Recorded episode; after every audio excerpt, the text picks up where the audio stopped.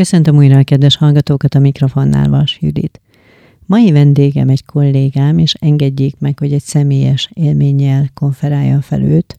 Annak idején, még a TV Eger ügyvezetőjeként ő volt az, aki elindított engem a média pályán, és aztán az EGRI magazin főszerkesztői munkáival is megbízott, és én ezért nagyon hálás vagyok neki.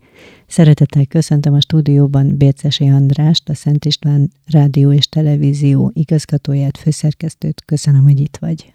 Köszönöm szépen, hogy itt lehetek, és köszöntöm én is a kedves hallgatókat, és egy pontosítást hagyd tegyünk az elején, tehát ezt magadnak köszönheted. Én, én csak egy eszköz voltam ehhez, hogy a, hogy a pályán így eligazodjunk közösen. Mm, ez nagyon kedves. Az, hogy te a Szent István Rádió és Televízió igazgatója vagy, ez nyilván sugalja azt az értékrendet, amit emberileg is, meg vezetőként is képviselsz. Ezt otthonról hoztad a családból? Igen, tehát én katolikus keresztény neveltetésben részesültem. Mi még azokban az időkben is jártunk hittanórára, amikor kicsit körül kellett nézni, mielőtt bementünk a hittanterembe, vagy elmentünk vasárnap templomba, mert hát szüleim pedagógusként, édesapám újságíróként dolgozott, nem volt ez mindegy. Ez ma már hihetetlennek tűnik, de tényleg olyan idők voltak, hogy, hogy ezt azért úgy kétszer is meg kellett gondolni. Tehát ilyen családból érkeztem, a pályámat is úgy kezdtem, hogy én hittanárnak készültem gőzerővel, de valamiért nem akadt itt a környéken hittanári állás, és akkor, akkor az újságírásba belecsaptam. Mondjuk korábban is már ilyen diák újságíróként középiskolában és a főiskolán is vitézkedtem, de valahogy így alakult ez a dolog, és egy ilyen, egy ilyen furcsa csavarodás a sorsomban, a gondviselés keze, hogy, hogy most ez a kettő dolog összefonódott. Ides tovább több mint tíz évvel ezelőtt, hogy, hogy egy egyházi médiumnak lehetek a munkatársa vezetője. Te Budapesten érettségiztél, és ahogy mondtad, a, az itteni, akkor még főiskolán hittanári szakra jelentkeztél, de az, hogy a médiával kezdjél el foglalkozni, arra volt hatással, hogy édesapád újságíró volt? Nem hiszem, hogy úgy különösebb hatása lett volna, valahogy ez úgy jött, ahogy mondani szokták. Én jártam be vele a szerkesztőségbe, tipikus, amikor nyáron a gyereket nem lehet hova tenni, akkor én nem rajzolgattam, hanem én írógépen pötyögtem, de, de úgy nem, nem volt semmiféle ilyen. Az érdekesség kedvéért mondom lábjegyzetbe, hogy bátyám is újságíróként dolgozik egyébként. És az, hogy a Pécsi Egyetemen média specializációt vegyél fel, ez ebben az volt a tudatos, hogy azért tanuld is a szakmát? Talán inkább az inspirált, hogy Agárdi Péter volt ennek a kurzusnak a vezetője, aki, aki egy elismert szakember, és mindenben az ellentétje annak, amit én hiszek és vallok, és ez nekem egy kihívás volt. Én nála akartam írni a szakdolgozatomat, amit ő visszadobott a témája miatt, és később egy másik szakembernél diplomáztam, de tanulsággal járt mindenképpen, meg mint embert nagyon tisztelem meg a szaktudását is, de tehát nagyon kijöttek az értékrendi különbségek. Főiskolán azért már ugye kipróbáltad magad újságíróként, méghozzá a Líceumi palettánál. Ezek milyen élményeket adtak neked? alapító lehettem a Liceumi Palettánál Ködöböc tanár úr vezetésével. Volt egy jó kis baráti kör, irodalmi esteket szerveztünk, művész kávéházat, és valahogy úgy nem, nem fértünk a bőrünkbe, és ennek jegyében alakult a Liceumi Paletta is, és az egy nagyon-nagyon jó kis műhely volt. Díjakat is nyertünk egyébként alappal, Diák Újságírók Egyesületének a, a pályázatain, úgyhogy ez egy nagyon jó műhely volt, és ott nagyon sok mindent megtanultunk egymástól, meg hát úgy lesegettük a többieket is a szakmában. És aztán mi vonzott a televíziózásban? Mert ugye 15 évig dolgoztál a TV Egernél szerkesztőként, majd ügyvezetőként. Ebben mi vonzott téged? A televíziózás az úgy szembe jött szó szerint, tehát ültem az albérletbe, ugye vártam, hogy kapok valami visszajelzést, hogy van hittanári állás, és ment a TV Eger képújsága, ahol írták, hogy szerkesztő, riporter munkatársat keresnek. És hát akkor azt gondoltam, hogy hogy megyek. Ráadásul egy volt csoporttársam helyére, aki diákként már dolgozott, Molnár Péterről van szó.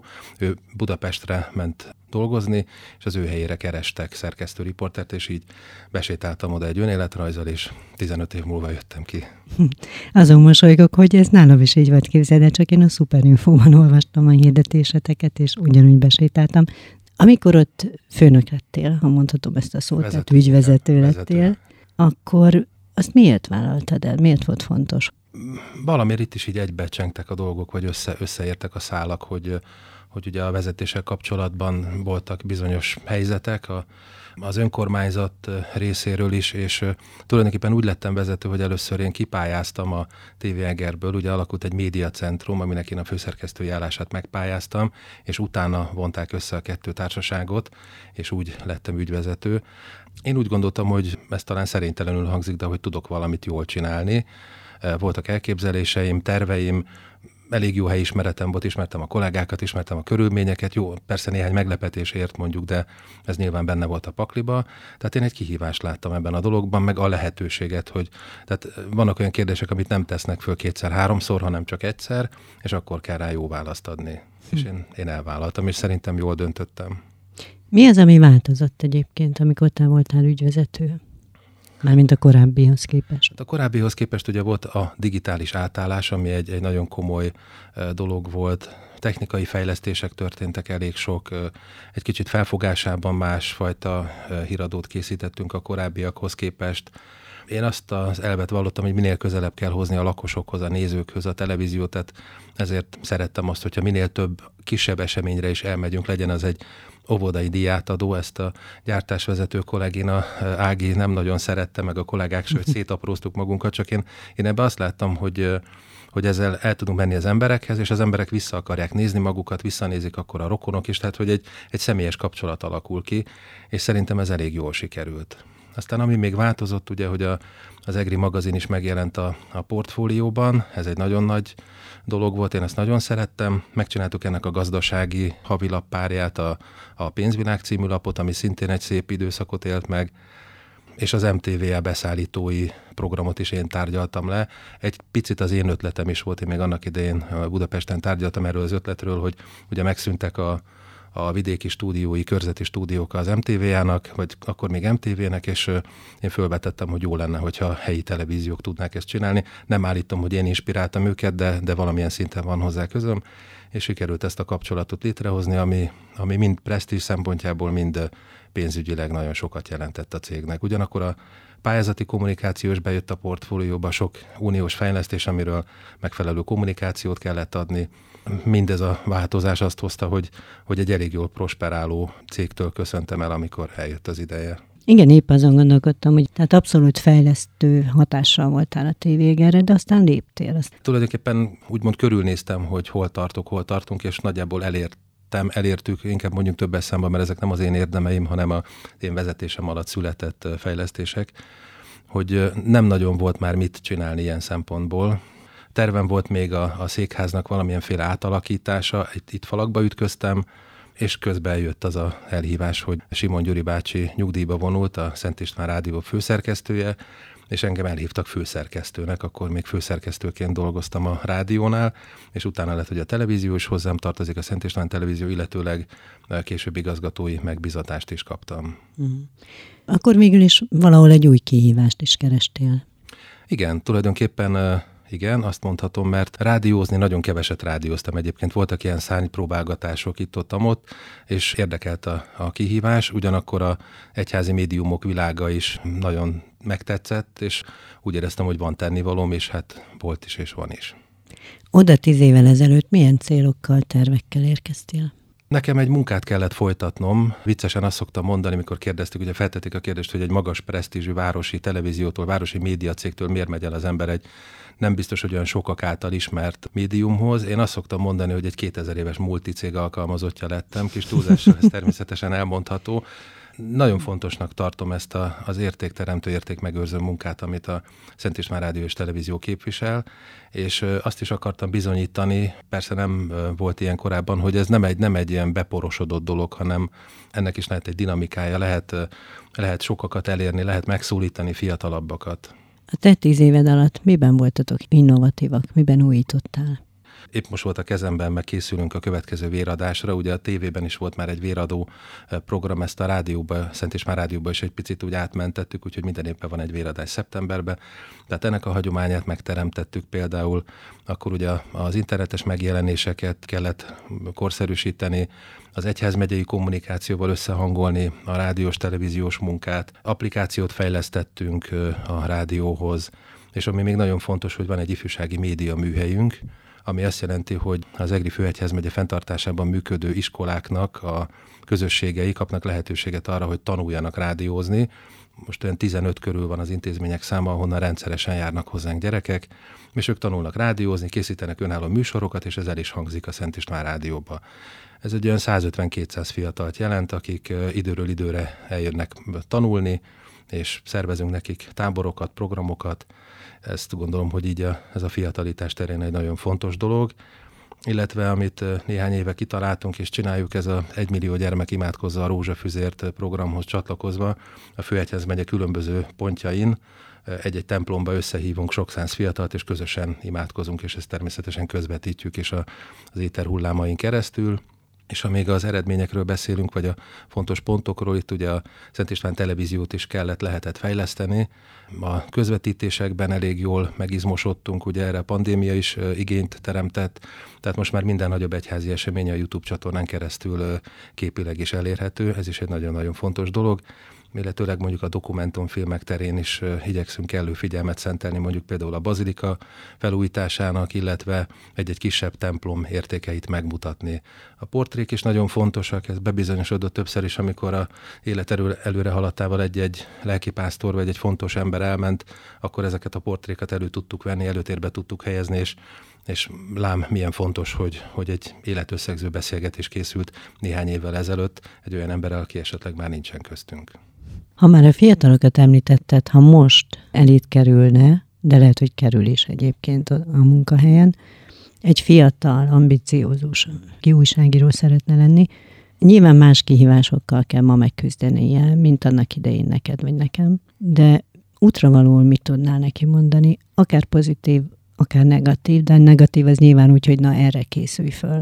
Aki sajtópályára készül, én azt szoktam mondani, hogy ne iskolapadba akarja megtanulni a szakmát, hanem inkább a gyakorlatban. Én azt szoktam javasolni, hogy inkább valamilyen műveltséget adó területen ténykedjen, végezzen el egy olyan szakot, ami, ami a szívéhez közel áll, és ott szerezzen egy alapműveltséget, amit majd kamatoztatni tud a sajtószakmában, mert minden szerkesztőségnek más és más a működése, tehát nem lehet egy bizonyos sablon alapján betanulni a rádiózást, a televíziózást, a, a nyomtatott sajtót, semmit. Tehát én ezt szoktam javasolni azoknak, akik erre a pályára készülnek most a kommunikáció szakoktatói ne figyeljenek. Ezt én vállalom előttük is, tehát mm. nagyon fontos az a képzés, meg van, akinek az áll jól, de én a személyes tapasztalatom alapján tudom ezt mondani. Tehát nem, nem bántva a kommunikáció tudományt, mert ez is egy nagyon fontos dolog. Pontosan hol lehet titeket fogni? Tehát már milyen körzetben is azt tudjátok mérni, hogy körülbelül mennyien hallgatnak?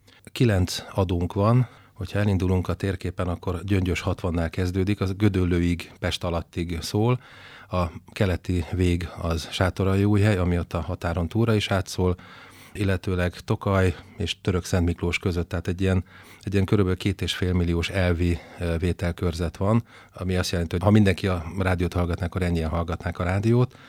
A közelmúltban jött ki egy felmérés, egy EGRI felmérés, ami 7%-ra mért bennünket, ami azt jelenti, hogy mondjuk a beszélő rádiók között mi vezetők vagyunk, tehát a, a közrádió, stb. stb. mögöttünk van.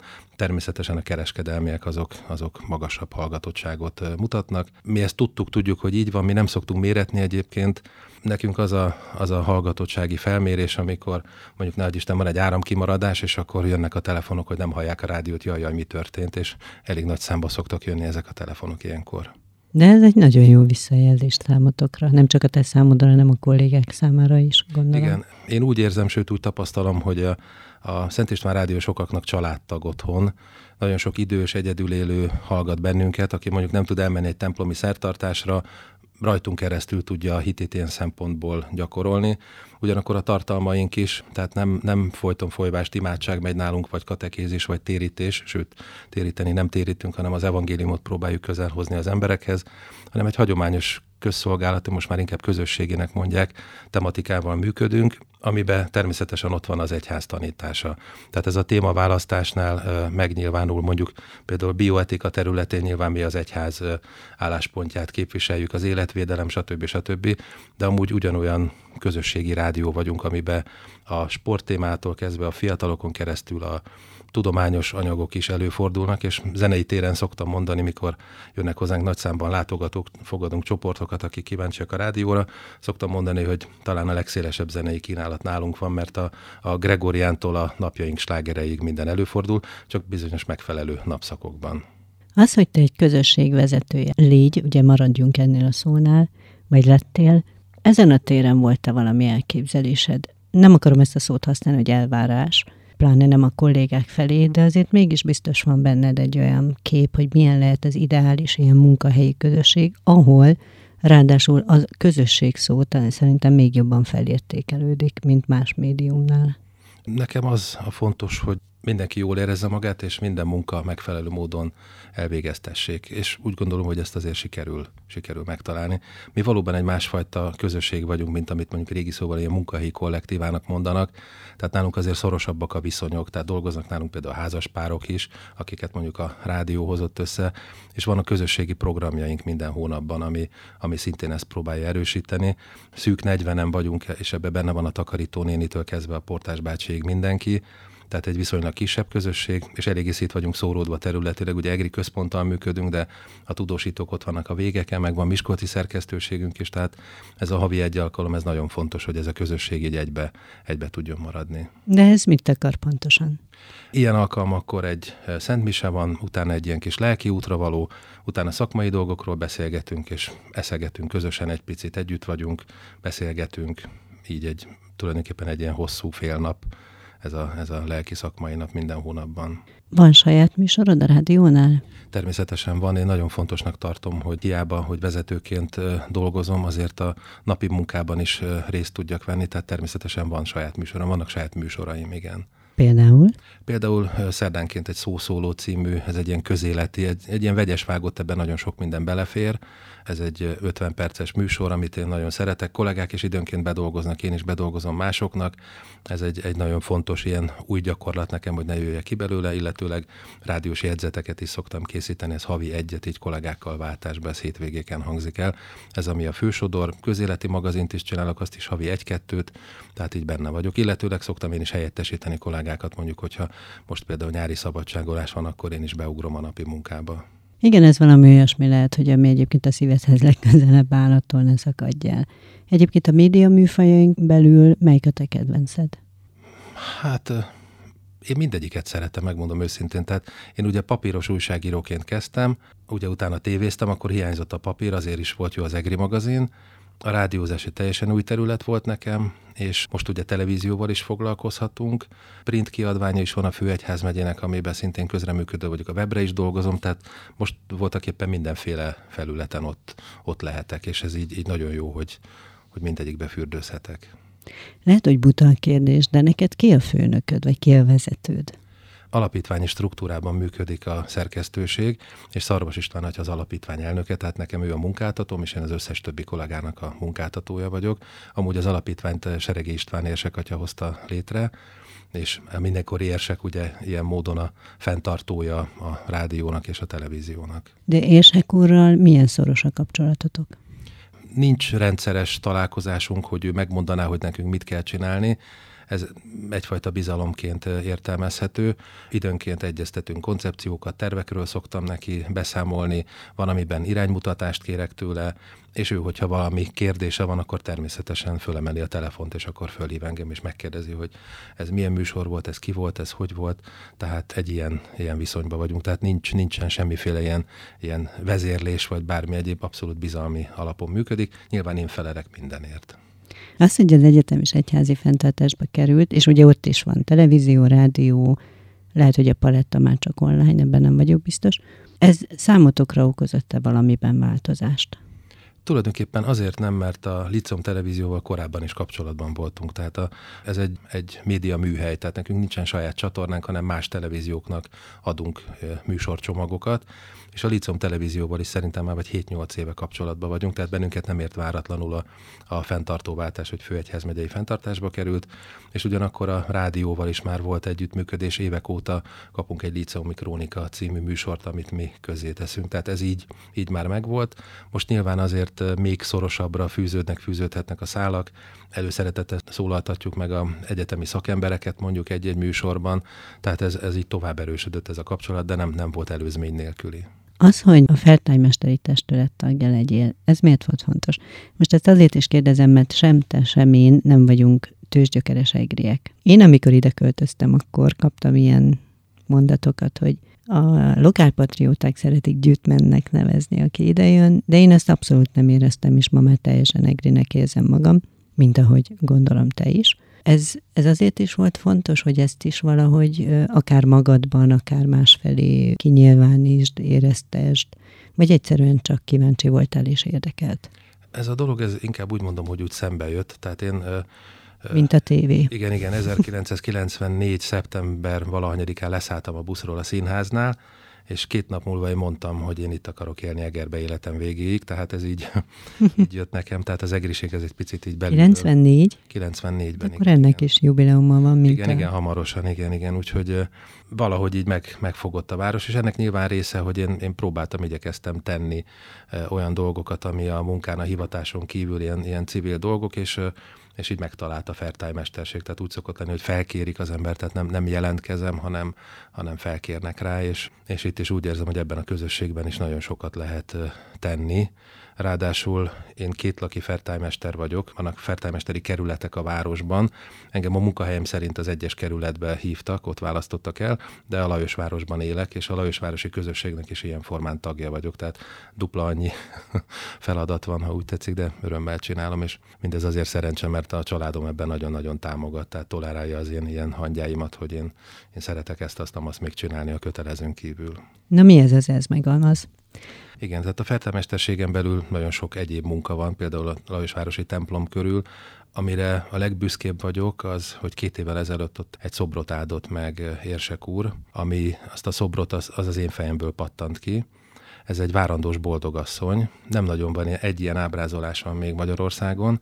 Ez egy 150 centi magas kőszobor, és áldott állapotban ábrázolja a szűzanyát. És ez egy olyan megindító dolog, és valahogy egyszer egyik reggel arra ébredtem, november 30-án, Szent András napon, hogy kellene egy ilyen, és akkor írtam egy e-mailt Edatyának, hogy mit szól hozzá, és rá következő éven a, a búcsún már megállhatta Érsek úr. Közadakozásból jött össze, azt mondhatom, hogy szinte pillanatok alatt, tehát úgy, úgy mindenkit megérintett ez a dolog, és hát nyilván ez is a fertájmesterség égisze alatt történt.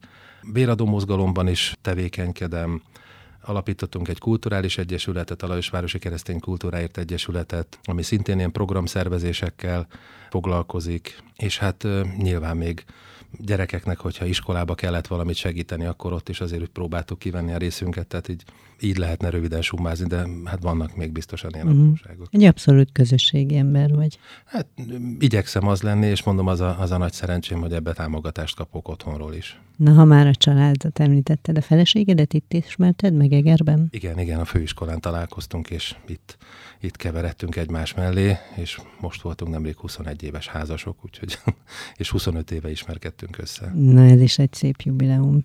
Gondolom a gyerekeknek is, akár csak te, vagy mind a ketten, ugyanezeket az értékeket próbáljátok átadni. Igen, igen, igen. Ugye kamaszokról van szó, tehát nem egy egyszerű dolog. Én, én abba bízom, hogy valami lenyomatot tudunk bennük hagyni, hogy, hogy hogyan gondolkodunk a világról, és nagy örömmel szoktam időnként, hogy teljesen spontán visszacsatolást kapni, hogy egy-egy mondatból elcsípem, hogy hát ez, ez nagyon jó, hogy így gondolkodik erről, mert ha nem is direkt besugaltunk dolgokat, de azt, hogy mik, mik a szerintünk helyes irányok, azt, azt azért próbáltuk kifejezni. Ez nagyon jó egyébként, mert személyesen tapasztalatod meg azt, amiről az imént beszéltünk, hogy a fiatalok és a hit, a fiatalok és a katolikus értékrend viszonya, az például a kamasz gyerekeknél hogyan hát ha nem is befolyásolható, de hogyan lehet finoman őket terelni, ugye a viszony minél szorosabb hát legyen. Hát igen, most képzeljünk el mondjuk egy novemberi estén egy hideg templomot, vagy képzeljünk el mondjuk egy, egy kényelmes meleg szobát, ahol lehet éppen tiktokozni, hogy melyiket választja egy fiatal. Tehát nem, nem könnyű a kihívás, de